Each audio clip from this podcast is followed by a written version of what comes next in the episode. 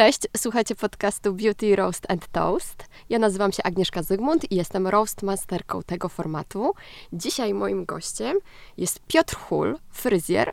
I tu stawiam specjalnie kropkę, bo e, do tego, jak przedstawimy, jak ja przedstawię mojego gościa, e, wrócę jeszcze na sam koniec tego odcinka.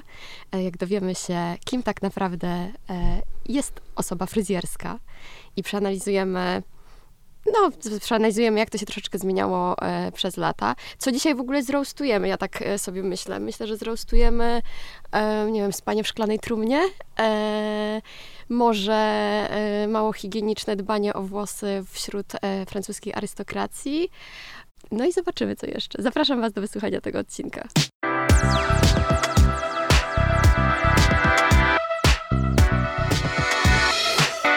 Piotrze, czy byłeś w Sieradzu? E, Tak, oczywiście.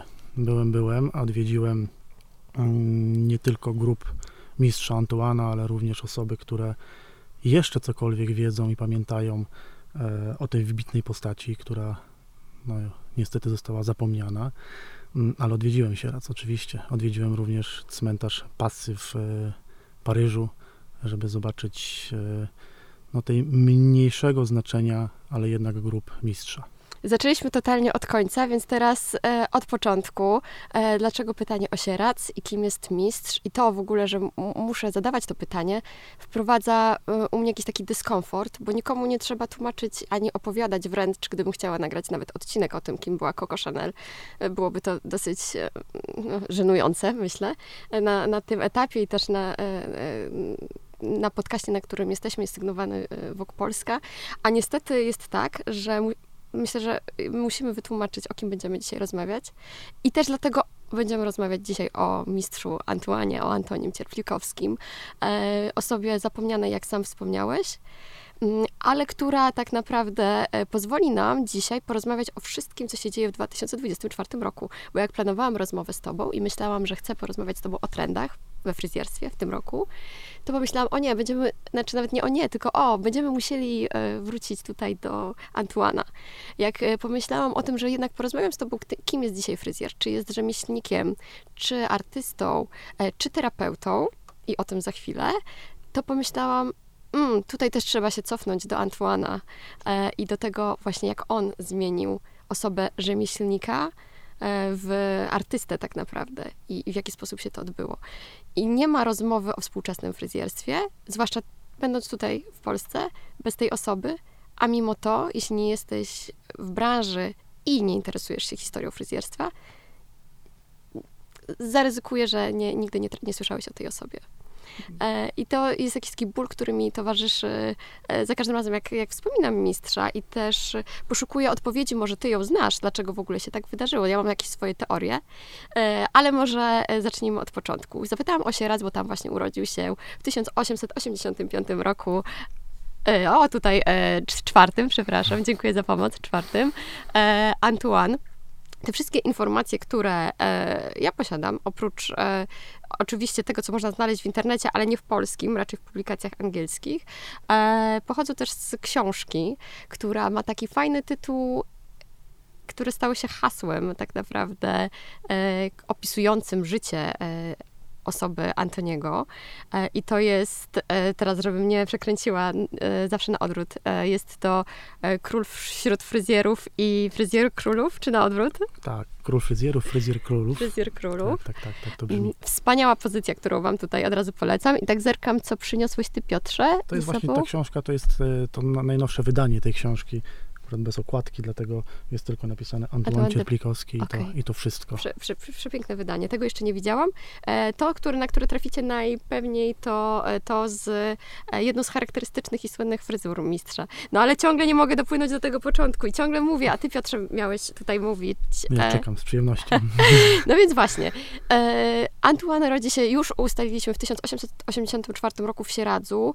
Polski de facto nie ma wtedy na mapie, dlatego przez przez długi czas e, on jest uważany w ogóle za Rosjanina, zwłaszcza na zachodzie, e, Antoś z Rosji, tak o nim mówią arystokratki, które się w nim e, zakochują, w jego pracy i zachwycają, ale zanim do tego, e, zanim do tego dociera, on jest tak naprawdę, dzisiaj powiedzielibyśmy piwniczakiem, bo musi uciekać z Polski, tak naprawdę musi wyjechać z Polski z wiadomych powodów, jak na tamten czas, jest bardzo młody i trafia do Paryża, który no, miał zachwycać, nie zachwyca, raczej jest trudną, no jest jakby trudną drogą do przebycia dla niego, dla osoby, która nie mówi w języku francuskim, która de facto przyjechała z kraju, którego nie ma.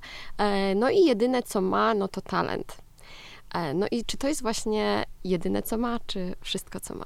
Mm, myślę, że w tym wypadku wszystko. E, zresztą niejednokrotnie się słyszy, że tego typu zawody, czy tego typu umiejętności jak nasza, zawsze pozwolą zarabiać, utrzymać się nawet w bardzo trudnych czasach i w bardzo trudnych warunkach. I tutaj potwierdza się to w historii Antuana, który rzeczywiście miał niezwykły talent, jeżeli chodzi o fryzjerstwo, ale w naszej historii pewnie wyjdzie wiele talentów, bo e, jak sam o sobie mówił i nawet się podpisywał, wiele e, dowodów świadczy o tym również bilety lotnicze, gdzie się podpisywał jako rzeźbiarz. E, pewnie e, inspirowany przy znajomością z Ksawerem Dunikowskim i e, jakby też czerpiąc z jego wiedzy, z jego umiejętności, odbywał z nim szkolenia, zresztą pomieszkiwali wspólnie, więc wspólnie też tworzyli.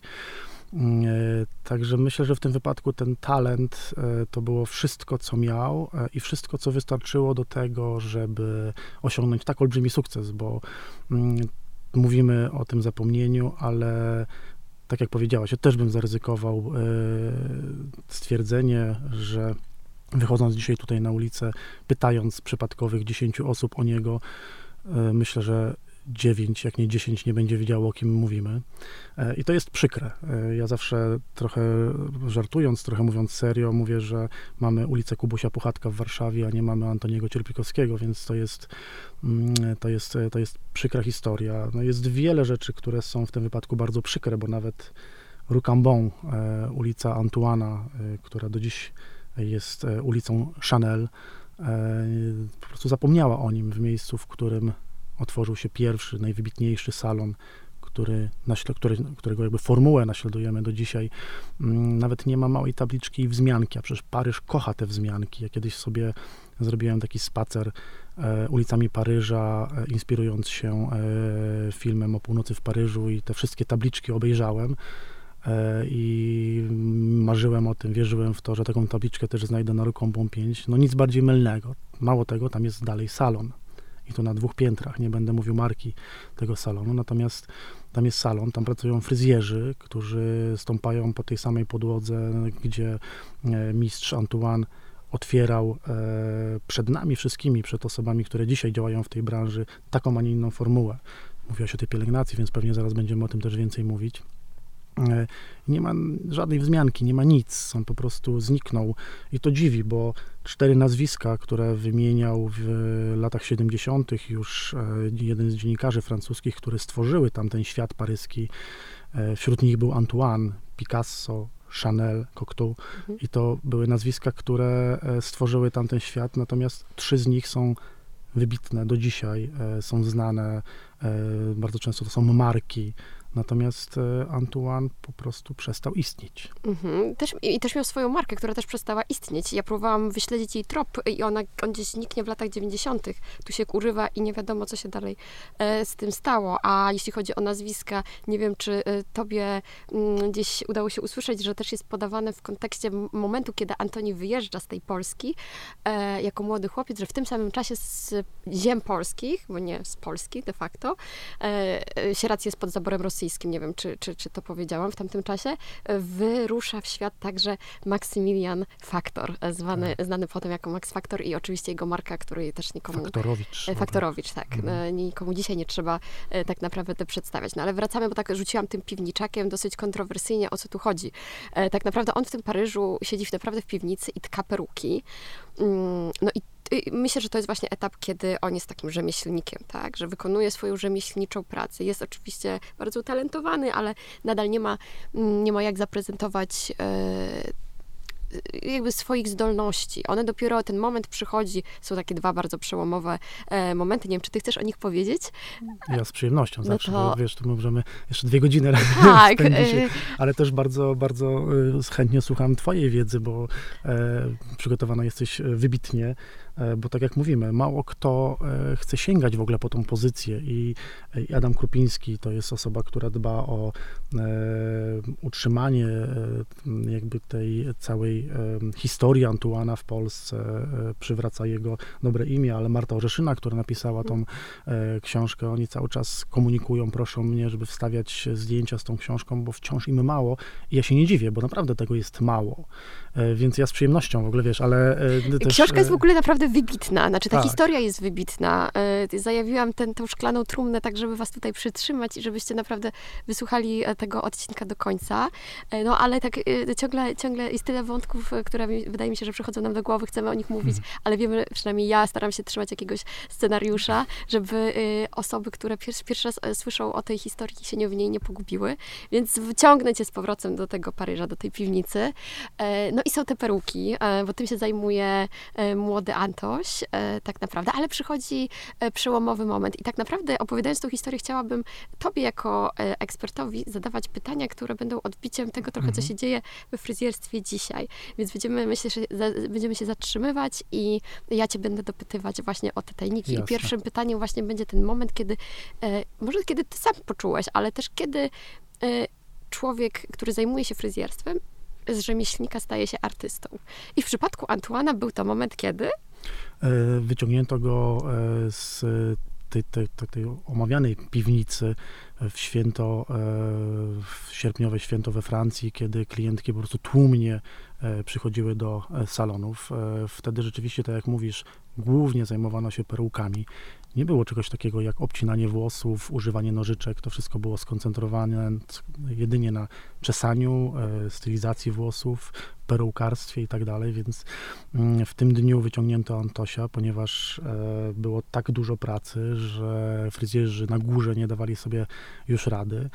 E, No i Antoine w ten dzień totalnie popłynął, jak to można po naszemu dzisiaj powiedzieć, bo rzeczywiście pozwolił sobie na totalne szaleństwo, ale myślę, że też z powodu tej ilości pracy mógł na to sobie pozwolić, bo nikt go nie kontrolował. Natomiast klientki były tak zachwycone, że to był ten moment, w którym e, w którym, w którym Antoine wyszedł z piwnicy i już e, do niej nie wrócił, już piął się tylko wyżej i wyżej i ten dzień rzeczywiście był, e, jak on sam twierdzi, przełomowym. No i był kolejny. W 1909 roku e, Laverrier, e, aktorka francuska, jedna z najbardziej znanych tamtych czasów, obok, obok Sary Bernard, musiała zagrać e, nastolatkę w e, jednym z, mm, z, z, jednej z produkcji nie było CGI-a. i nie było... Ja miała, dodajmy, miała 40 lat, miała zagrać Tak. 18-latkę. Dzisiaj by to nie było problemem. Dzisiaj, nie, tak, oczywiście. Natomiast wtedy rzeczywiście był to problem i Antoine e, no, długo myślał o tym, bo to nie było takie łatwe, bo to, to nie było tak, że on od razu wpadł na pomysł. Zresztą tam jest też w, w książce i we wspomnieniach mm, napisane, że to nie było o, oczywiste dla niego, no bo wtedy zmienić e, z tak uczesanej barwnie kobiety i tak dalej, czy umalowanej na osiemnastolatkę, no to było trudne. Natomiast w, tym momencie pojawiła się e, dziewczynka, która przyniosła pocztę. To była mała dziewczynka z jakichś e, niższych sfer i wtedy tylko niższe sfery nosiły krótkie włosy, no ale Antoine e, rzeczywiście e, starał się przekonać nie tylko e, aktorkę, ale również jej męża, który był właścicielem teatru do tego, żeby, że ten pomysł jest odpowiedni i to się udało. To się udało i wtedy Antoine rzeczywiście to był moment, myślę, że dla wszystkich fryzjerów powinien być takim momentem niezwykle ważnym. Ten moment to był moment, w którym w ogóle zaczęto obcinać włosy. E, Tak w ogóle je ruszać, bo tak naprawdę one do, do tej pory tylko rosły, były upinane, tak jak powiedziałeś, czesane ewentualnie, rzadko myte. To w prawda, tamtym niestety czasie, co tak. też Antoine zmienił, Tak, oczywiście, tak, o czym tak, też tak. zaraz powiemy, E, ale em, to jest też bardzo ciekawe, że mówi się, mówi się o Coco Chanel, że ona, w zasadzie o Gabriel, Gabrielle Chanel, że e, stworzyła współczesną kobietę przez spodnie. E, Podobnie mówi się o tym, że Antoine stworzył współczesną kobietę, e, skracając jej włosy, ale w tamtym czasie mówiło się, że to jest zamach na kobiecość, że to jest zamach na najbardziej kobiece atrybuty. Ja też wyobrażam sobie, że w tamtym czasie to była bardzo też męska narracja mężczyzn, którzy nagle widzieli no swoje kobiety w krótkich włosach i bardzo mhm. im się to nie podobało, e, bo w tamtych czasach tyle wystarczyło, żeby z kobiety zrobić bić mężczyznę, tak, boja de facto, tak? Spodnie i krótkie włosy. Dzisiaj w ogóle wydaje się to śmieszne, ty się widzę, też uśmiechasz, e, no bo trochę w innych czasach żyjemy, ale e, to dużo mówi o, o tym, czym są i do tej pory czym są włosy dla kobiety. I mam do ciebie pytanie, jak dużej odwagi e, od fryzjera wymaga to, żeby ściąć długie włosy na krótkie, z długich włosów zrobić e, boba. Bo wydaje nam się to takie techniczne, że no jest fryzjer, idziemy do niego, siadamy, mówimy, chcemy mieć krótkie włosy, no ale trochę go zostawiamy z olbrzymią odpowiedzialnością. Oj tak, tak, tak, bo e, ta łatwość e, oczywiście interpretacji różnych e, wersji fryzur i tak dalej jest dzisiaj totalna, totalnie otwarta. Już e, w ogóle możemy sobie nawet na łyso obcięta kobieta nie jest jakimś szokiem. Natomiast myślę, że sam fakt przejścia przez ten proces jest pewnego rodzaju szokiem. I to się rzeczywiście odbywa w jakimś procesie, często z powodu czegoś, często z wygody, często z udowodnienia sobie lub komuś czegoś, ale te decyzje nie są łatwe i rzeczywiście one wymagają mm, większego skupienia i konsultacji z klientką, bo e, ona w tych wypadkach e, w tych przypadkach też liczy na nas. Zdecydowanie, ja to zawsze tak szacuję, że ta odpowiedzialność jest pół na pół, więc olbrzymia, jeżeli chodzi o fryzjerów. Natomiast ja powiem szczerze, że akurat w moim przypadku jest tak, że tych krótkich fryzur obcinam bardzo dużo, bardzo dużo. E, I każdego dnia mm, jest ich przynajmniej 50% w salonie, więc ta różnorodność jest olbrzymia.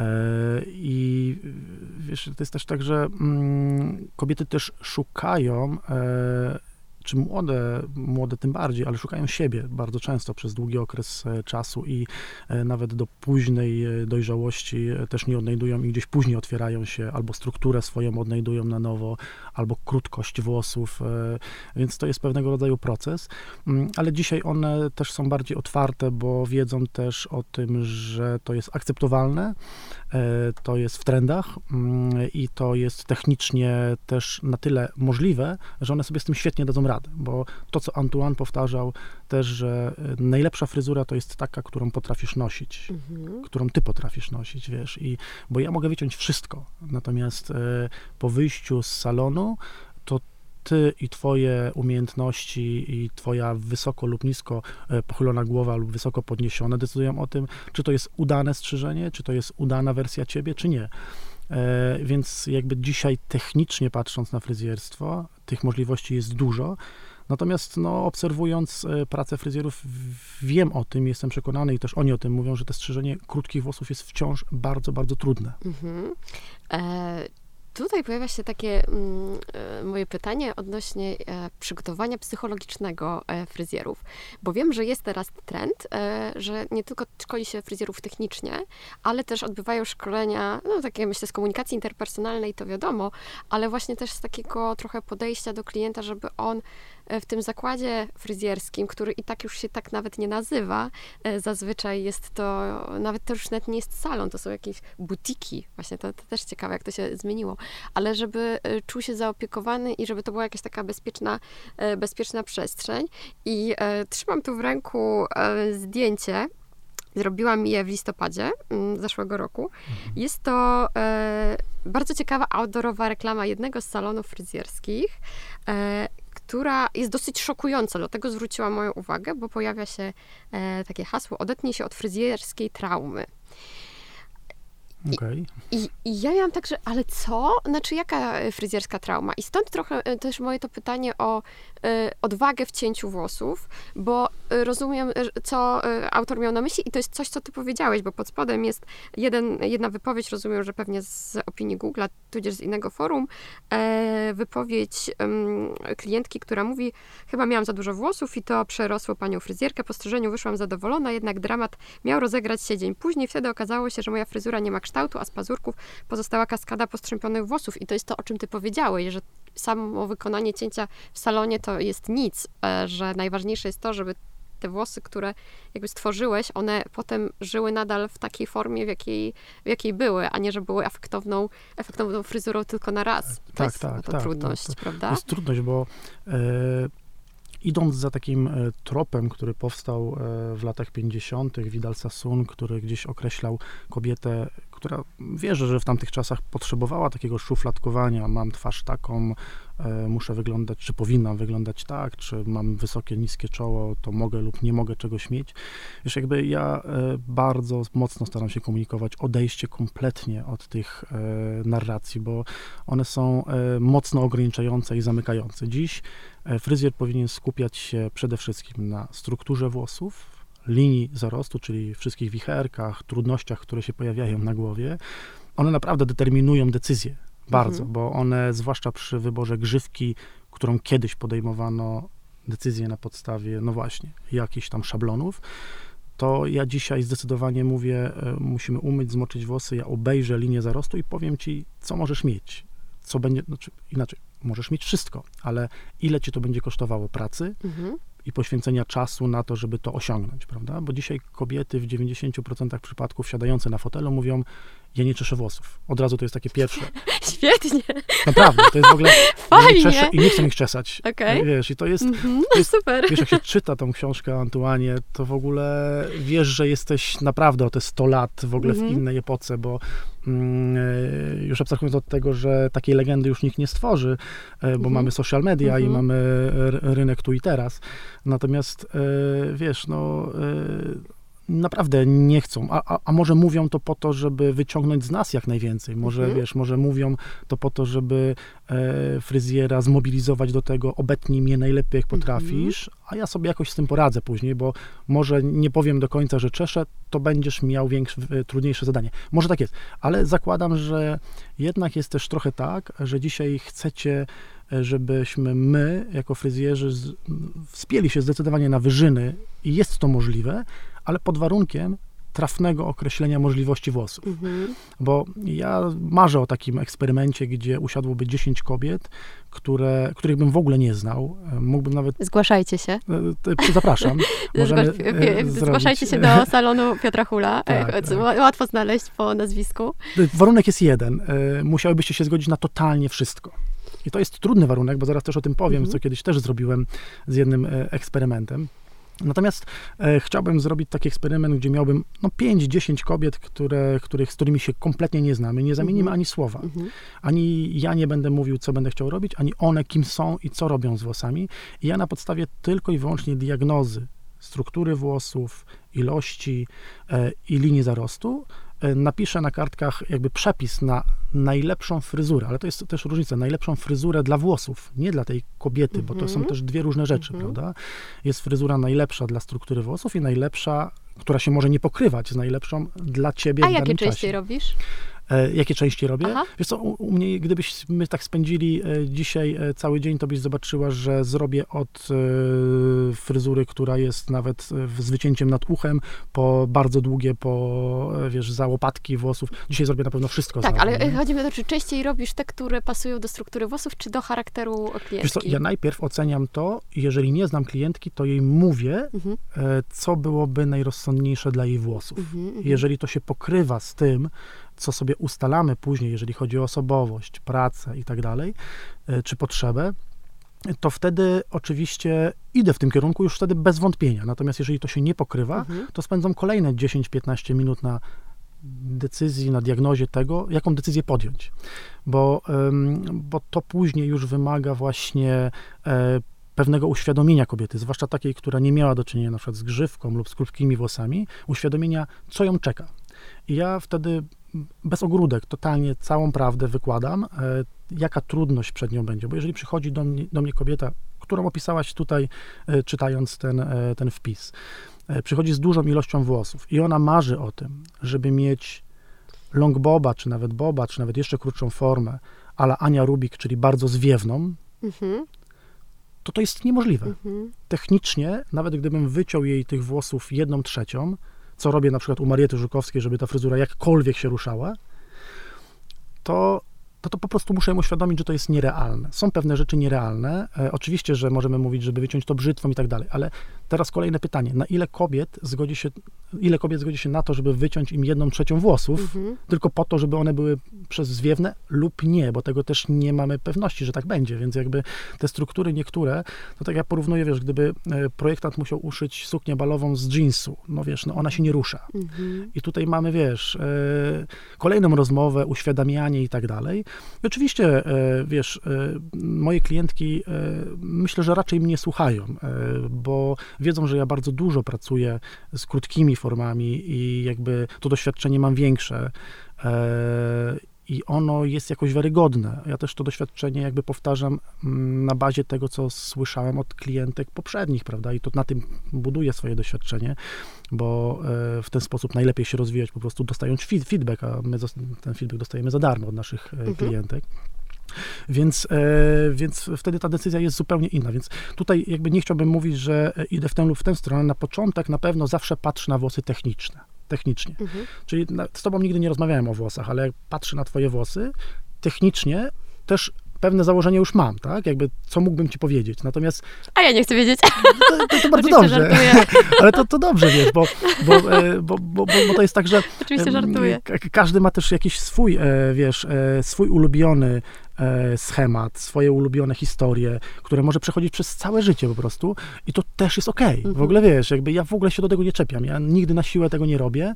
E, Ja mogę powiedzieć, dlaczego coś mogłoby być ciekawsze, lepsze, ale nigdy nie najlepsze. Ja nie używam Mhm. słowa najlepsze, bo Mhm. słowo najlepsze we fryzjerstwie dla mnie nie istnieje. Nie ma czegoś takiego. Antoine zachwycił, właśnie stał się Antuanem, już od razu nie był już Antonim, tylko właśnie szybko stał się Antuanem, zachwycił arystokrację, czesał e, księżne, e, królowe, e, łącznie z tym, że był odpowiedzialny za mm, fryzury podczas koronacji e, wielu głów e, i monarchiń, a ty- tutaj chyba można e, monarchinię brytyjską przywołać, bo ona będzie taka najbardziej nośna, myślę, że wszyscy Elżbietę i tak zapamiętali, więc, więc tu się też pojawił. W zasadzie on nadzorował ten proces e, pracy na, na tak dużą skalę, no bo to wiadomo, że było kilkudziesięciu fryzjerów, e, kilkaset głów też innych do uczesania, nie tylko te koronowane, więc to wydaje mi się, że trochę taką wykonywał pracę, jak się na backstage'u wykonuje e, pokazu mody tak, tak. dzisiaj, jakbyśmy to porównali.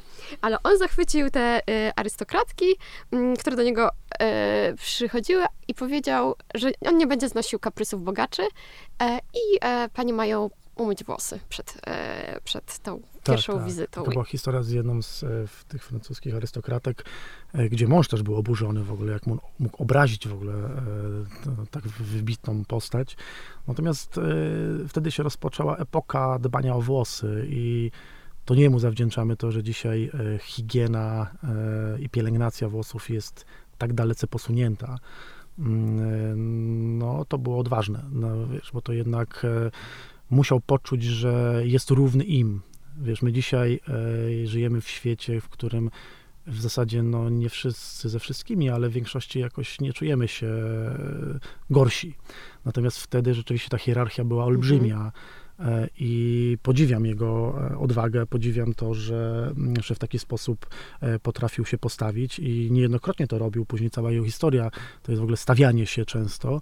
E, Myślę, że to jest e, powód e, jego sukcesu i, e, i zwłaszcza powód tego, co dzisiaj mamy e, pod nazwą fryzjerstwo. Mhm. Znaczy, o- ta ogromna asertywność to nie jest cecha, którą musi mieć każdy fryzjer i od razu cię zapytam, czy pamiętasz u siebie taki przełomowy moment, bo domyślam się, że e, na początku nie było to proste, żeby e, mówić nie, e, ja wiem lepiej, bo jestem ekspertem, przyszłaś, przyszedłeś do mnie, bo jestem rzemieślnikiem, znawcą fachu, e, i artystą i wiem lepiej, e, ale nie dlatego, że wiem lepiej, tylko dlatego, że no, za to mi płacą de facto, żebym Tak, wiedział tak, tak. lepiej. Więc nie, nie zrobimy tego.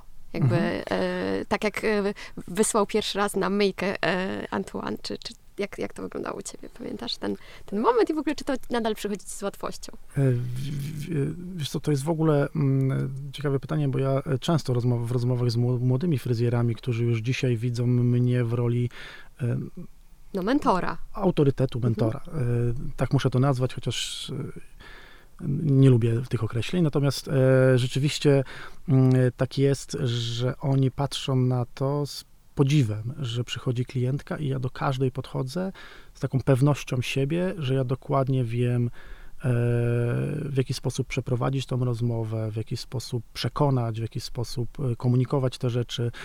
Ja pamiętam jak dzisiaj dokładnie miejsce, w którym ucząc się swojego fachu Leszka Czajki, to było 18 lat teraz mija, jak zaczynałem na ulicy Nowogrodzkiej 18. Mhm.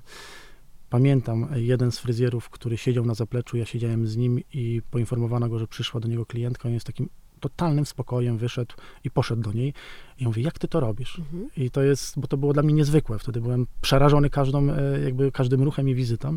I rzeczywiście do tego się dociera na zasadzie doświadczenia, e, ale też pewności, że to, co się robi, e, robi się dobrze, a tą pewność się dostaje od klientek, no bo wiesz, można e, uważać, że się dobrze obcina włosy, ale to nie my o tym decydujemy. Ja zawsze powtarzam, że pokaż mi swój kalendarz, a ja ci powiem, czy jesteś dobrym fryzjerem. Jeżeli masz go wypełnionego po brzegi i tych klientek jest masa i one naprawdę wierzą w to, co robisz, to one cię kreują. I to samo było z Antuanem, nie było inaczej, wiesz. E, one zaufały jego wizji kompletnie, bo mm, ta wizja była w tamtych czasach jeszcze tak odważna, że my no dzisiaj nie wiem, co musielibyśmy zrobić, żeby to porównać. No, mhm. Już tak wiele zostało zrobione, że to dzisiaj prawda. chyba sztuczna inteligencja musiałaby stanąć i obciąć włosy, do czego mam mhm. nadzieję nie dojdzie. E, ale, nie, ale, nie, myślę, że nie. Właśnie e, te, te tak. wszystkie dziedziny nie są zagrożone. No, ale, ale wiesz, ale ja poczułem mhm. po wielu latach, naprawdę wiele lat takiego budowania e, swojej pewności, e, że się to dobrze robi, e, wypełnianego grafiku, który też potwierdza, że robisz to dobrze. I przyszedł taki moment, w którym ja to było gdzieś, ja nie powiem, że po dwóch latach pracy, nie, to na pewno nie, to zajęło mi 6-8 lat pracy, e, żebym poczuł, że ja dokładnie wiem, w którym kierunku chcę iść i co jest dla mnie ważne, co jest mniej ważne, na czym chcę się skoncentrować i co kreować, tak, bo mhm. E, dzisiaj, e, jak już rozmawiamy o, trochę o współczesnym fryzjerstwie, to ja też mm, w przeciwieństwie do czasów Antuana, gdzie wtedy głównie stylizowano fryzury, e, a dopiero później zaczęto je projektować, bo ja to nazywam projektowaniem, to dzisiaj jest trochę odwrotnie. Dzisiaj e, my głównie projektujemy fryzury, a mniej je stylizujemy. E, I też zrobił się taki dosyć mocny podział, co uważam za bardzo słuszne, e, że tak jak w modzie, tak jak e, wybitni projektanci mody odpowiadają za to, żeby zaprojektować suknie, spódnice, spodnie, a styliści wykorzystują ich projekty do ubierania pań, to to samo się wydarzyło jakby we fryzjerstwie. Mhm. Dzisiaj ja jestem odpowiedzialny za to, żeby projektować fryzury, a są od tego charakteryzatorzy, charakteryzatorki wybitne, które biorą mój projekt i wykorzystują go na różne cele i na różne, w różnych historiach.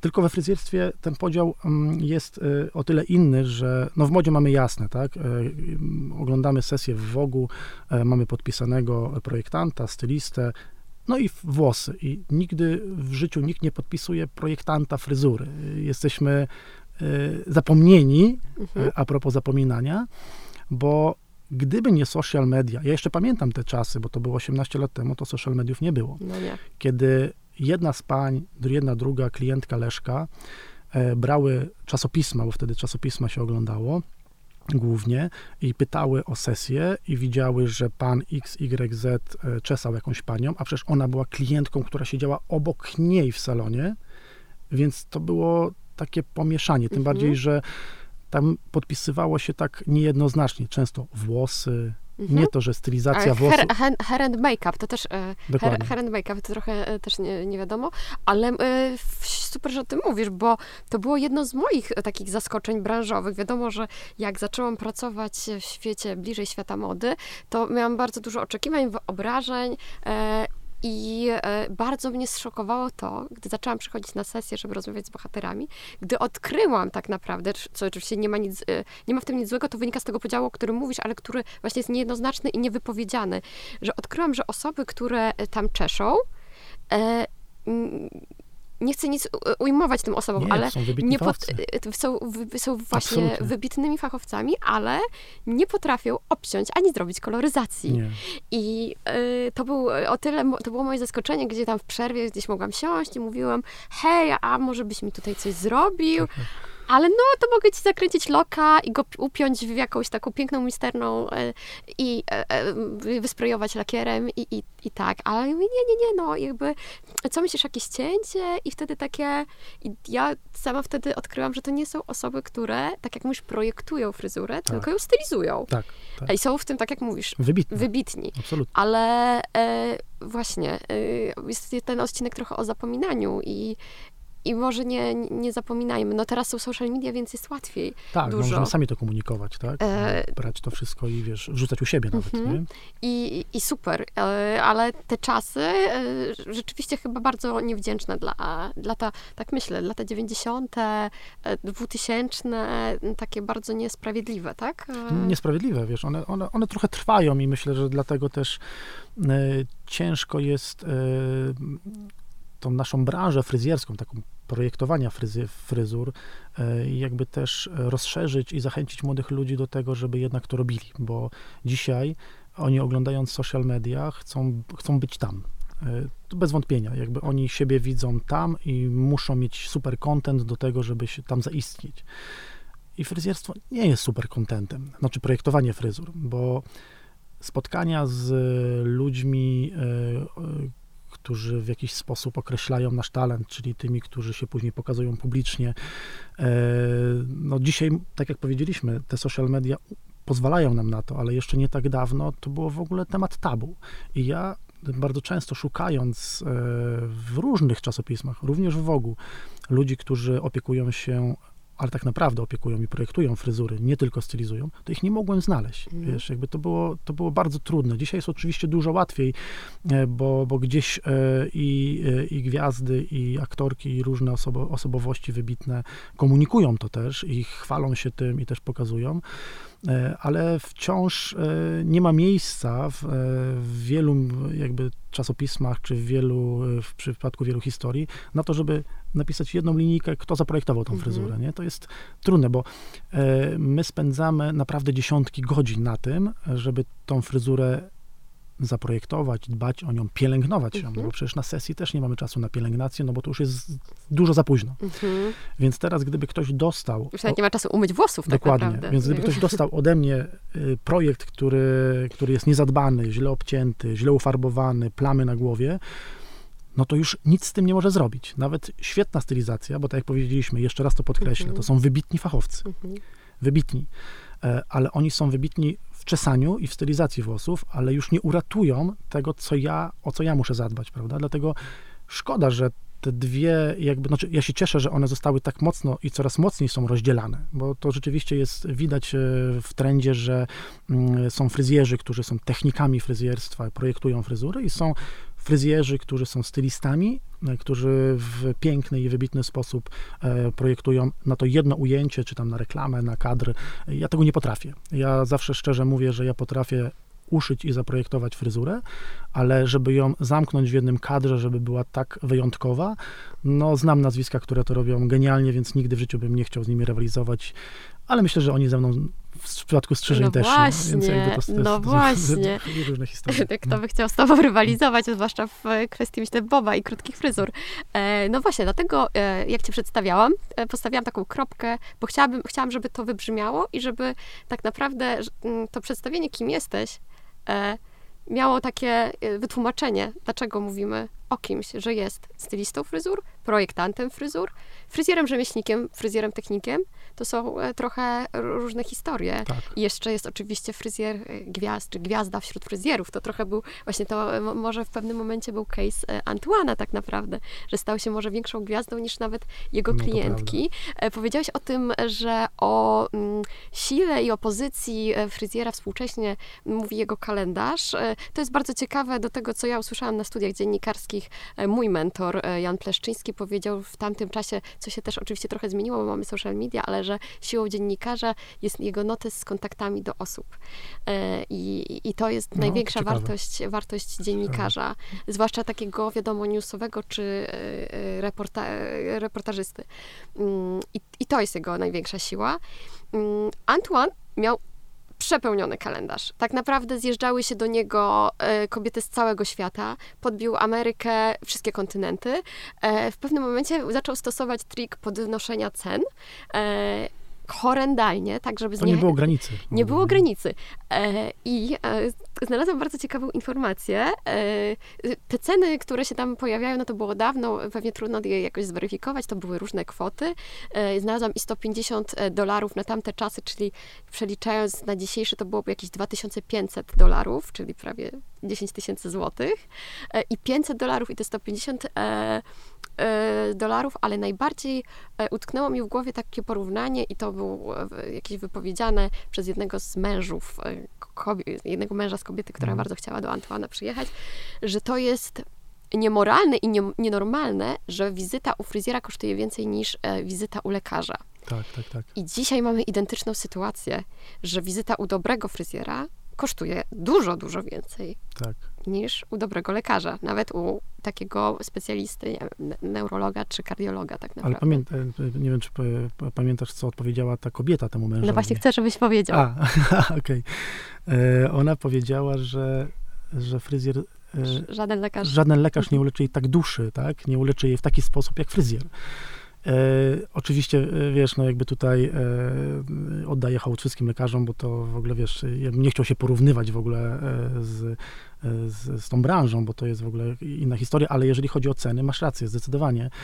E, to jest coś w tym, że uprawiamy zawód, który e, jest o tyle inny od wszystkich, że od nas i do nas przychodzi klientka, która przychodzi pełna euforii, emocji, e, chęci zmiany, rozmowy, spotkania i wychodzi, no, zakładam, że w 99% przypadków szczęśliwa, tak, uleczona. Mhm. E, I to jest niezwykły zawód, bo e, z lekarzami bywa różnie, natomiast u nas jest tak, że ja wierzę w to, że te pieniądze, które są zostawione u fryzjera, mm, są wydane jako inwestycja w siebie, jako inwestycja w e, nasze dobro i tak dalej, więc jakby wierzę w to, że, e, że klientki niezwykle potrzebują.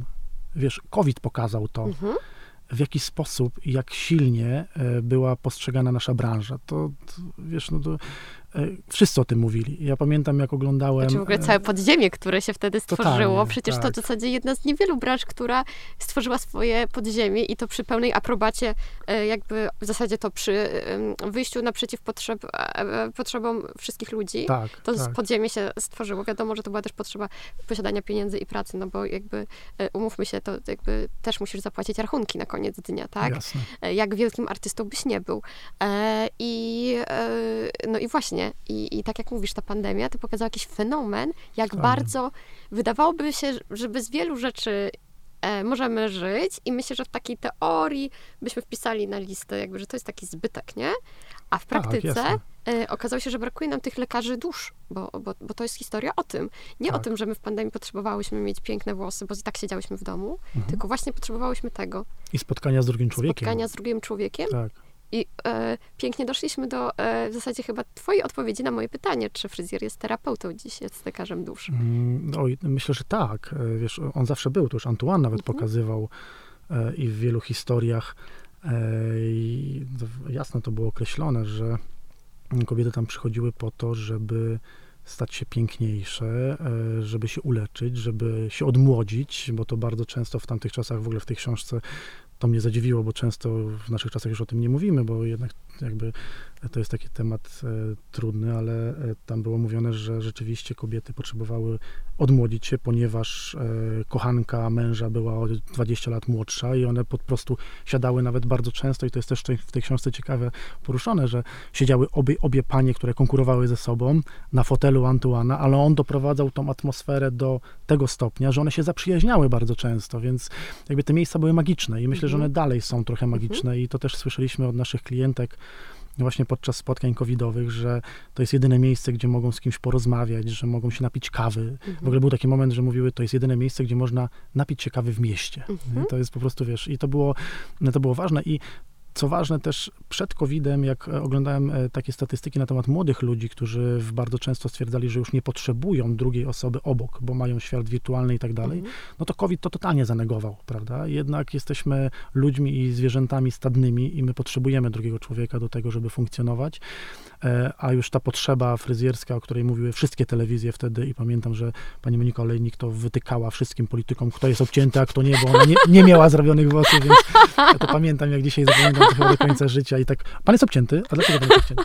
E, I to było, to, to, to było ładne, e, ale wszystkie czekały, jak tylko otworzyli salony, to po prostu e, no, takich tłumów jeszcze ja nigdy nie pamiętam, to myślę, że Antoine pamięta te tłumy, a my już mamy inne czasy, więc te tłumy przynajmniej przez chwilę doświadczyliśmy. E, powiedziałeś, że mm, twoje klientki mówiły, że to jest jedyne miejsce, e, w którym można napić się kawy w mieście.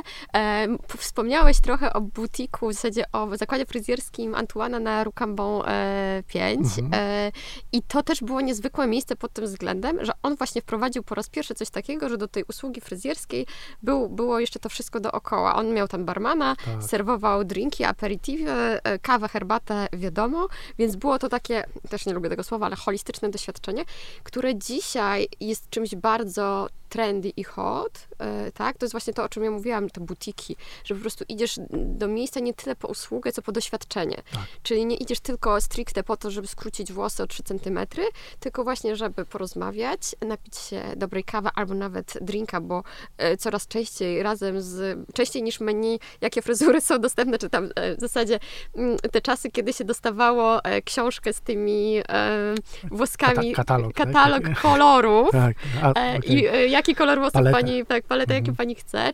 Częściej się teraz dostaje menu, co możemy pani zaserwować. Tak, czy tak. chce pani się napić maczy, czy, czy e, wody z bąbelkami, czy prosecco.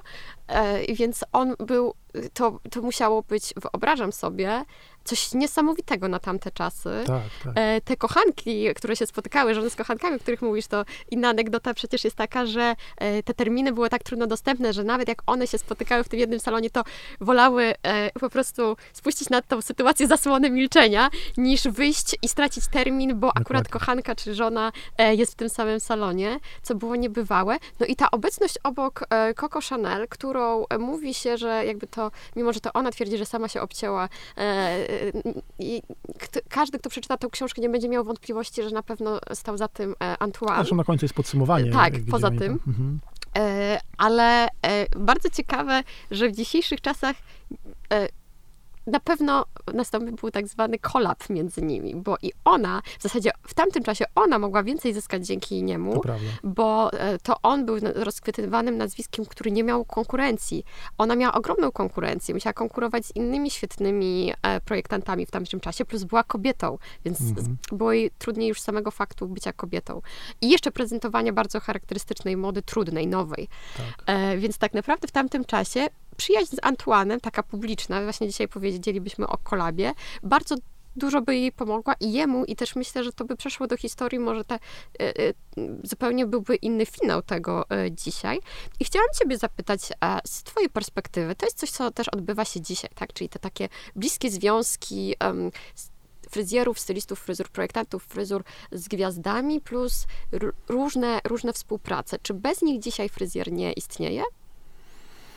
Mm, ja myślę, że istnieje, bo znam wielu fryzjerów, którzy uprawiają ten zawód świetnie, ale w, nie muszą albo nie mają możliwości często, albo nie muszą mieć takich kontaktów i robią to świetnie. Wiesz, jakby mam przyjaciół w małych miejscowościach, którzy naprawdę mają ten grafik, o którym mówimy, czy kalendarz wypełniony po brzegi i ja byłem świadkiem, jak jedna z pani na ulicy małego miasteczka zaczepiała mojego przyjaciela, który no, stwierdził, że nie będzie miał dla niej czasu, bo po prostu ma na dwa miesiące zaplanowany grafik. My w Warszawie o tym marzymy, wiesz, to jest e, też inny rynek, ale e, wiesz, te współprace są niezwykle ważne, e, żeby mm, też określać swój kierunek i żeby być innym to, czego szukał Antoine, żeby być e, w jakiś sposób wyjątkowym dla naszych klientek, to też e, taka konsekwencja w komunikacji jest ważna, czyli jakby dobór tych e, współprac czy, mm, czy przyjaźni też powinien być w miarę konsekwentny. I to na pewno z perspektywy czasu, gdybym miał to ocenić, to, to daje olbrzymi zastrzyk pewności siebie, ale też określenia swojego kierunku i takiej pewności, że dążymy w dobrym kierunku. Tak było na przykład z Marietą Żukowską, która Mm. Pozdrawiamy Marietę Pozdrawiamy. i e, równoległy podcast Równowaga Wok Polska. Okej. Okay. Słuchajcie koniecznie. Słucha, tak, to po, podpisuję się.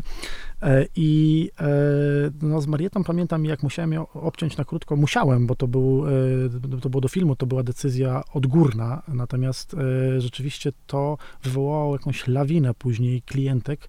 I był taki moment, że Mm, z całej Polski, do dzisiaj zresztą tak jest, że ona jest taką muzą naszego miejsca, ale z całej Polski zjeżdżały się panie, które prosiły o fryzurę na Marietę. I jak ja wchodziłem na zaplecze i moje asystentki widziały mnie, to mówiły, kolejna Marieta? Ja mówiłem, tak? kolejna Marieta. Więc żeby nie kłamać, to myślę, że tych fryzur a la Marieta obciąłem na pewno setki ja nie wiem, czy w tysiącach, ale setki na pewno. Więc e, jakby jakby mówiąc o tej współpracy, no to to jest niezwykłe, jak to Marieta nazywa, PR power po mhm. prostu, tak? I to daje nam e, kopa e, i określenie w jakichś kierunkach, wiesz, bo jeżeli mamy porównywać fryzjera do artysty, to każdy artysta na pewnym, w pewnym momencie swojej drogi bardzo mocno, mocno się określa. Ja na przykład bardzo mocno podziwiam takiego artystę, który się nazywa Opałka, który w pewnym momencie podjął decyzję o tym, że swoje obrazy zamiast malować będzie pisał cyfry i robił to już do końca życia wiesz, jakby mhm. konsekwentnie, już nigdy w tak. życiu nie zrobił nic innego. Uwielbiam to, wiesz, bo ja uwielbiam takie procesy, które e, są mm, aż tak mocno, e, tak mocno zamknięte czasami, że wybitne. I, i to akurat jest w, w, tym przypadku wybitne, bo to był, jest jeden z artystów, który jeszcze za życia zrobił na swoich obrazach miliony i sprzedawał te, których jeszcze nie było, bo ktoś sobie zażyczył, żeby mieć na obrazie numer tam 7777 na przykład, prawda, i czekał, aż on dotrze do tego momentu. To w ogóle, wiesz, to zjawisko zjawisko, nie? Mhm, ale to mhm. jest zjawisko, które, e, które właśnie e, jest poparte taką konsekwencją, prawda? Bo w innym wypadku e, tego się nie da zrobić. Jest na przykład Lars von Trier, który w wywiadzie Rzeka przyznał się do tego, że co roku w ten sam dzień o tej samej godzinie spotykają się z zespołem filmowców i nagrywają jedną scenę filmu, który powstaje przez 30 lat. Mhm no wiesz, marzę o tym, żeby zobaczyć ten wszyscy film. Marzymy, wiesz, jakby wszyscy, ogóle, wszyscy na to czekamy tak naprawdę. To są niezwykłe rzeczy, więc taka konsekwencja i współpraca z takimi osobo, oso, osobami tak określa też kierunek. I myślę, że mnie określiła w kontekście krótkich włosów, mhm. w które totalnie poszedłem i e, bardzo mocno się edukowałem w tym wypadku, e, bardzo mocno mm, komunikowaliśmy też e, w tym i dalej to robimy i to, i to ma olbrzymie znaczenie później w odbiorze nas jako salonu, bo często klientki przychodzą i mówią, wybrałam was, bo widziałam, że pokazujecie krótkie cięcia, tak? I jesteśmy mocno w tym określeni, że w tym całym e, social mediowym świecie e, wyłap, wyłapuje się nas, ponieważ jesteśmy określeni jako jacyś, mhm. prawda? Nie jako wszyscy, bo znowu blond, long bob i tak dalej. Mhm. I przewijam, przewijam, przewijam, ale coś mnie zainteresowało, tak? Bo ktoś pokazał strzyżenie perfekcyjne na przykład. I, mhm. E, no i takie, tak jak ty mówisz, ta współpraca, myślę, Antuana z Coco Chanel spowodowałaby, że dzisiaj byśmy rozmawiali w innym charakterze o mistrzu. Mhm. E, powiedziałeś o cięciu na Marietę. E, Antoine też e, wypłynął, znaczy nie chcę mówić też, żeby nie było, że ty wypłynąłeś na Mariecie. On stworzył fryzurę do filmów, potem wszystkie kobiety chciały wyglądać jak aktorka z ekranu czy z kinowego. Tak naprawdę tworzył fryzury do wielu filmów. Mm, ty stworzyłeś fryzurę e, dla Mariety, jak sam powiedziałeś, pod postać za pierwszym razem. E, no i właśnie, e, jak się tworzy mm, fryzurę pod postacie? Pytam to pod kątem twojej ostatniej współpracy z Netflixem przy serialu Forst. Forst. tak, to jedna z... Dodam, przepraszam, że tak jeszcze tutaj wejdę w słowo. To pytanie jest dla mnie podwójnie ciekawe, bo główną rolę tytułową gra mężczyzna i najwięcej tych ról tam jest jednak męskich, ale też to są bardzo trudne warunki, e, na, były trudne warunki na tym planie filmowym, bo akcja dzieje się w Tatrach. Tak, wiesz co, jakby tutaj znowu e, będę wracał do wątku projektowania fryzur, bo e, moja współpraca w ogóle ze wszystkimi produkcjami i w, w, przypadku Netflix i Force była, było dokładnie tak samo, że to dzięki współpracy z najwybitniejszymi charakteryzatorkami, bo akurat w przypadku Forsta to jest Lila e, Gałązka, która dwukrotnie odznaczona jest orłem za ostatnie osiągnięcia, więc e, no to są nazwiska, e, które, które w świecie filmowym są niezwykle szanowane i od wielu, wielu lat wybitne. I ja jestem odpowiedzialny za projekty, czyli ja wciąż siedzę w swoim studiu, mhm. ja wciąż e, spotykam się tam z Lilą, z reżyserami, z producentami, z aktorami, po to, żeby omówić scenariusz, e, kim ma być ta postać, żeby poznać ten scenariusz w tajemnicy na dwa lata przed premierą. Wow, e, dwa to, lata to długo. Często dłużej, a często krócej, bo to, bo to zależy, to mhm. zależy od, od produkcji. Teraz my zawsze jesteśmy w, w jakimś procesie produkcji. Teraz też z, z, znowu mamy kilka wątków, które w salonie e, jakby projektujemy. Nie mogę zdradzać nazwisk, no bo e, tak jak mówiłem, to jest, e, to jest obarczone gdzieś e, jakimiś tajemnicami. Natomiast mogę powiedzieć, że na przykład czekamy też na jesienny film z Martą Żmudą Trzebiatowską, która, która wierzy w to, że będzie nie do poznania i nikt nie odgadnie na początku filmu, że jest to ona. Wow, Taki projekt też mam, mamy. Ale wracając do Netflixa, to też Lila zjawiła się z prośbą o to, żeby zaprojektować fryzury, kolory na dłuższą metę bo to dłuższa meta to jest cały proces e, kręcenia filmu, bo e, wiesz, tak myślę, że ja jako e, człowiek, który do tej pory się tym nie zajmował i nie wchodząc głębiej w film, zawsze się wydawało, że to jest jakiś krótki proces, który nie musi trwać i tak dalej. Natomiast w tym wypadku i bardzo często tak jest, tak na przykład było w przypadku Wesela Smarzowskiego, gdzie w obrazku jest to jeden dzień, natomiast Michalina Łabacz, którą musieliśmy przygotować do tego filmu, musieliśmy konsekwentnie, każdorazowo powtarzać co do milimetra ten sam kolor i to samo strzyżenie, więc jakby... No tak, bo włosy rosną przecież. Tak, to jest, wiesz, i to trwa przez mhm, rok na przykład, mhm. tak? Pro, pro, produkcja czy projekt e, zdjęcia i tak dalej, to są wiele dni zdjęciowych, więc teraz zaplanowanie tego tak szczegółowo, żebyście wy w obrazku nie widzieli, nie widziały tego, e, że to się zmienia, że na przykład odrost, który był sztucznie zrobiony u Marty, on w jakiś sposób się zmienia, no to tam z linijką pracowaliśmy naprawdę, mhm. bo ten odrost musiał być każdorazowo w tym samym miejscu powtórzony. W przypadku Netflixa było dokładnie tak samo, e, bo e, Lila przyszła z aktorami, najpierw omówiliśmy oczywiście projekt, później przyprowadzała kolejno i co najtrudniejsze to jest ta kontynuacja. Dobrze, że wspomniałaś też, że to było w Zakopanem, bo ta kontynuacja też jest o tyle trudniejsza, że oni nie mogli wracać każdorazowo do Warszawy. Więc wtedy e, ja też e, jakby polecając e, moją serdeczną przyjaciółkę Jadzie Bugaj z Krakowa, pozdrawiam serdecznie i oni jeździli też na kontynuację, gdzie ja ściśle musiałem omówić z Jadzią, jak ta kontynuacja ma wyglądać. To są takie, wiesz, technicznie trudne rzeczy, ale to można robić i współpracować tylko z ludźmi, którzy naprawdę rozumieją, co to jest kontynuacja. Bo jak się mówi komuś o ścisłej kontynuacji czy o kontynuacji, to ludzie często nie wiedzą, o czym mówimy. No bo film jakby nie jest kręcony linearnie. To nie jest tak, że od A do Z kręcimy. Często się przeskakuje ze sceny na scenę.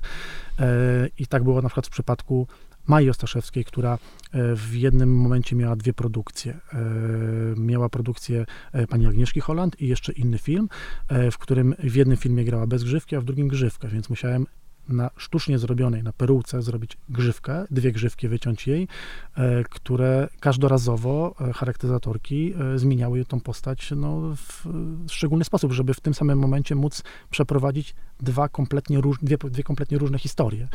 I to są rzeczy niezwykle interesujące, bo po pierwsze no, my jakby poznajemy tą historię pierwsi, jakby jesteśmy na początku tej drogi, przez cały proces przechodzimy i też spotykamy się z takimi projektami właśnie jak w przypadku Marty, że jest niezwykle trudny, niezwykle skomplikowany, bo szczerze musiałem naprawdę zniszczyć jej te włosy i muszę to powiedzieć z pełną odpowiedzialnością, bo musiałem je rozjaśnić do bieli niemalże, co wiązało się naprawdę z mocnym uwrażliwieniem tego włosa i później ścieliśmy je krótko, bo takie było założenie. Wiedzieliśmy od razu, że one pójdą w tym kierunku, ale na potrzeby filmu, dla dobra produkcji Marta się zgodziła i to był jej wybór, to było, to, to, to, to było ostatecznie wzięła tą odpowiedzialność na siebie e, i to zrobiliśmy, no ale ja rozumiem, że e, aktorki, no właśnie, e, rodzą się po to, żeby takim zadaniom sprostać też, prawda, oddają swoje włosy, swoje ciało i grają po to, żeby, żeby w obrazku wyglądało to najpiękniej, jak to jest możliwe. Myślę, że to jest w ogóle temat na kolejny cały długi odcinek, y, o,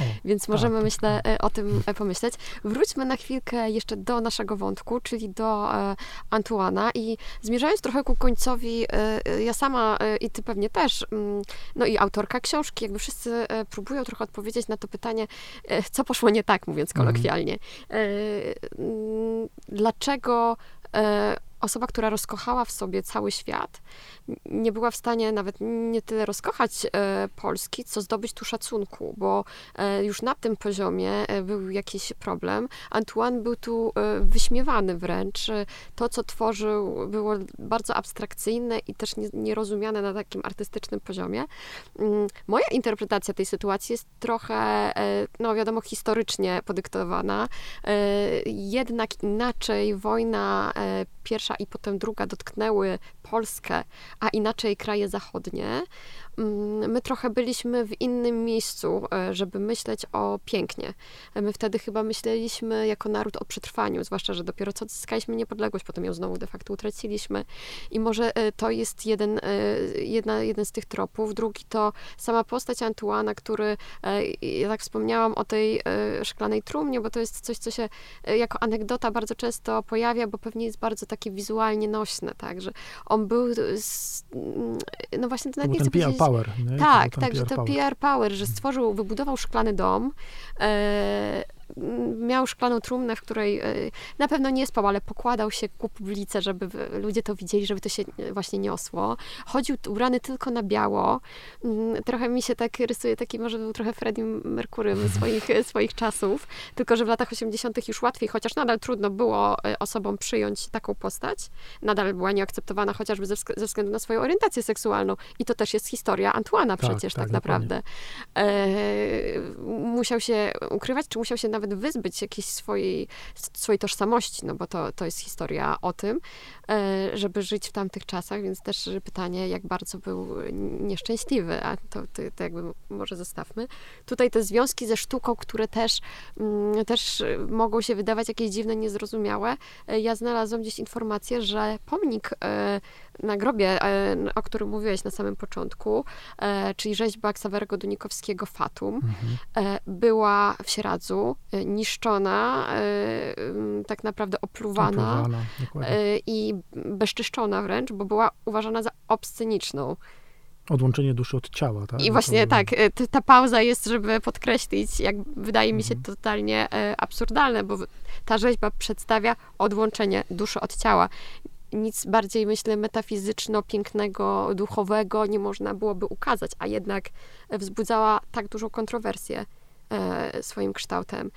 I e, to są jakieś mo moje tropy, ale chciałam zapytać o twoje. E, jak myślisz, dlaczego ta historia się tak skończyła dosyć smutno? Co tutaj, to, to jest ciekawe pytanie i myślę, że będziemy sobie zadawać już zawsze, bo skoro Marta Orzeszyna, która zbadała tak dogłębnie temat, nie potrafiła na nie odpowiedzieć, ale też świętej pamięci Janusz Szymański, który, którego miałem okazję poznać, jeden z ostatnich uczniów Antuana, gościł u mnie w salonie dwukrotnie, szkoląc mój zespół, więc e, nie powiem, że był moim przyjacielem, chociaż bym chciał, żeby tak było, ale na pewno mieliśmy bardzo fajny kontakt. Też nie potrafię odpowiedzieć na to pytanie, więc nawet osoby w jego otoczeniu, e, czy osoby, które tak dogłębnie zbadały temat, czy osoby, które mieszkają w Sieradzu i też pamiętają jeszcze te czasy, kiedy był tam, też nie potrafią odpowiedzieć na to pytanie. Nikt e, dzisiaj myślę, że nie będzie wiedział, jaki był powód tego. Myślę, że tych powodów było kilka, ale nie wiem, czy on by sam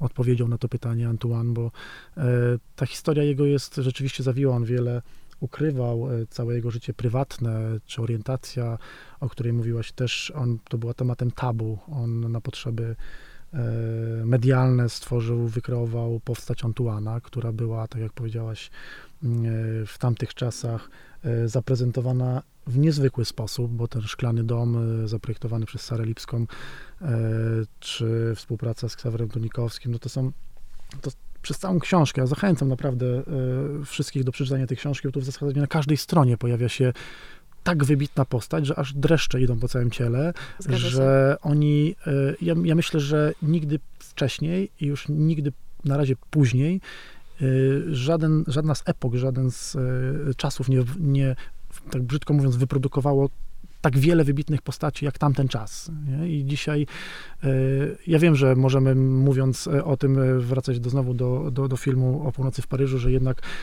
każdy marzy romantycznie o tych poprzednich latach, bo tam było lepiej na pewno i było ciekawie i było w jakiś sposób bardziej artystycznie, ale tam naprawdę było artystycznie wtedy, tak? To, byli, to były osoby, które w niezwykły sposób wykreowały nasz współczesny świat, świat artystów, fryzjerów, projektantów mody, mody, teatru, baletu i tak dalej. To można wymieniać tutaj w nieskończoność i pewnie byśmy musieli jeszcze tutaj ze trzy godziny spędzić, zastanawiając, co my przez godzinę będziemy mówić, a Mam ochotę jeszcze przez dwie rozmawiać, e, ale rozumiem, rozumiem, że to jest temat niewyczerpalny, bo po prostu tutaj zachęcam do tego, żeby sięgnąć tej książki, bo jest niezwykła. No właśnie, wiesz, to może o to chodzi, żebyśmy nie nagrali całego odcinka no, opowiadając rację. wszystko, tylko żebyśmy zostawili e, właśnie jakieś, e, jakąś przynętę, zanętę do tego, żeby więcej osób sięgnęło po tą książkę i poznało w ogóle tą historię i tego człowieka. Wspomniany przez ciebie Janusz Szymański, gdy został poproszony o takie jedno podsumowanie e, życia e, mm, e, Antuana, Antoniego, przez jednego z, z, dziennikarzy, osób, która przeprowadzała z nim wywiad. Jak to usłyszałam, to pomyślałam, że świadczy to o nieprzygotowaniu osoby, która o to pyta. Natomiast Janusz Szymański powiedział wtedy, że jeśli miałby powiedzieć jedno zdanie, tak parafrazując to, co powiedział, to powiedziałby, że Antoine, Antoni wyciągnął fryzjerów z piwnicy, i uczynił z rzemieślników księciów zawodu, tak naprawdę. Ładne to. Jest to bardzo ładne. A ty, jakbyś miał e, powiedzieć, w zasadzie dwie rzeczy. Pierwsza to, jakbyś miał takie zadanie powiedzieć e, jednym zdaniem e, coś o życiu Antuana, to co byś powiedział, ale też drugie moje pytanie, co z tej całej historii jego życia ciebie, jako e, eksperta, rzemieślnika, artystę, projektanta najbardziej dotknęło i zainspirowało i masz to tak ze sobą zawsze? To zacznę od drugiego pytania, bo ono będzie łatwiejsze. Mm, wiesz co, no zdecydowanie mnie jako osoby, która e, jest skoncentrowana na strzyżeniach, to zainspirowało ten odważny krok, taki niezwykle odważny, bo ja wrócę do tego, że my nie zdajemy sobie sprawy, jaką odwagą musiał się kierować wtedy Antoine, e, że jednak obciął tak wybitną aktorkę e, na krótko, czyli w ogóle pozbawił ją e, tak zwanego w tamtych czasach piękna, mhm. a jednak stworzył coś, co uwolniło kobietę, pozwoliło na to, żeby dalej czuła się piękna, bo jak ktoś mnie pyta, czy krótkie włosy są kobiece, tak, są kobiece. To w ogóle nie ma w ogóle co do tego wątpliwości, bo to nie one e, decydują o tym, czy jest to kobiece, czy nie, tylko to jest uzupełnienie kobiety. E, więc e, to mnie niezwykle inspiruje i ta odwaga, i to, w jaki sposób dążył do, do osiągnięcia tego mm, swojego celu, ale też konsekwencja. Konsekwencja, bo on naprawdę wiedział, wierzył i konsekwentnie kreował to, E, co udało mu się w 1909 roku zapoczątkować. On do końca życia wierzył w to, że zrobił e, to dla dobra fryzjerstwa, dla dobra kobiet e, i dla dobra całego świata modowego. Natomiast jedno zdanie na temat Antuana to rzeczywiście, to jest rzeczywiście wielka trudność. Natomiast gdybym miała powiedzieć to jedno zdanie, no to pewnie bym zacytował tytuł książki, bo to byłoby bardziej określające e, mistrza, czyli fryzjer królów, król fryzjerów lub odwrotnie e, bo to zawsze można zamiennie stosować e, i myślę, że to jest jedno, co określało i ktoś, kto przeczyta książkę, dopiero wtedy zrozumie, co oznacza król fryzjerów, a co oznacza fryzjer królów, bo, bo rzeczywiście mhm. tych nazwisk z książąt królowych przywijają się dziesiątki w tej książce, więc e, myślę, że, że to będzie najlepsza puenta tego, tej rozmowy. No i wspaniale. Moim gościem był Piotr Hul, który teraz sam się przedstawi. Na sam koniec. Kim jesteś, Piotrze? To będzie jeszcze trudniejsze.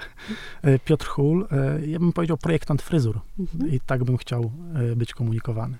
I tu bym też apelował do wszystkich pań, nie musicie nazywać nas stylistami, bo my po prostu jesteśmy technikami i projektantami fryzur.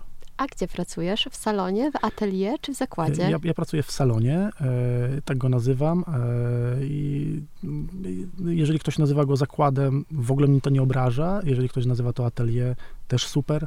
E, zawsze jest ok. Jakby to jest miejsce, w którym e, działamy, więc e, każda nazwa na działalność artystyczną będzie mile widziana. Piotrze, bardzo Ci dziękuję za tak inspirującą rozmowę, która, jak wiemy, mogłaby trwać trzy godziny, Oj, tak. ale y, ja myślę, że ona się jeszcze powtórzy. E, proszę Was naprawdę, jeśli będziecie szukać lektury na przykład na wakacje do poczytania, e, albo kochacie biografię, bo to jest też historia o bardzo dobrej, bardzo dobrej, rzetelnej e, dziennikarskiej pracy. E, więc nawet z tego względu polecamy książkę, polecamy historię Antuana. Może go nie, nie zapomnimy, może jakoś jednak jakoś to się uda. Piotrze, bardzo Ci dziękuję. Moim gościem był Piotr Hul, projektant fryzur. Dziękuję Ci bardzo. Dzięki.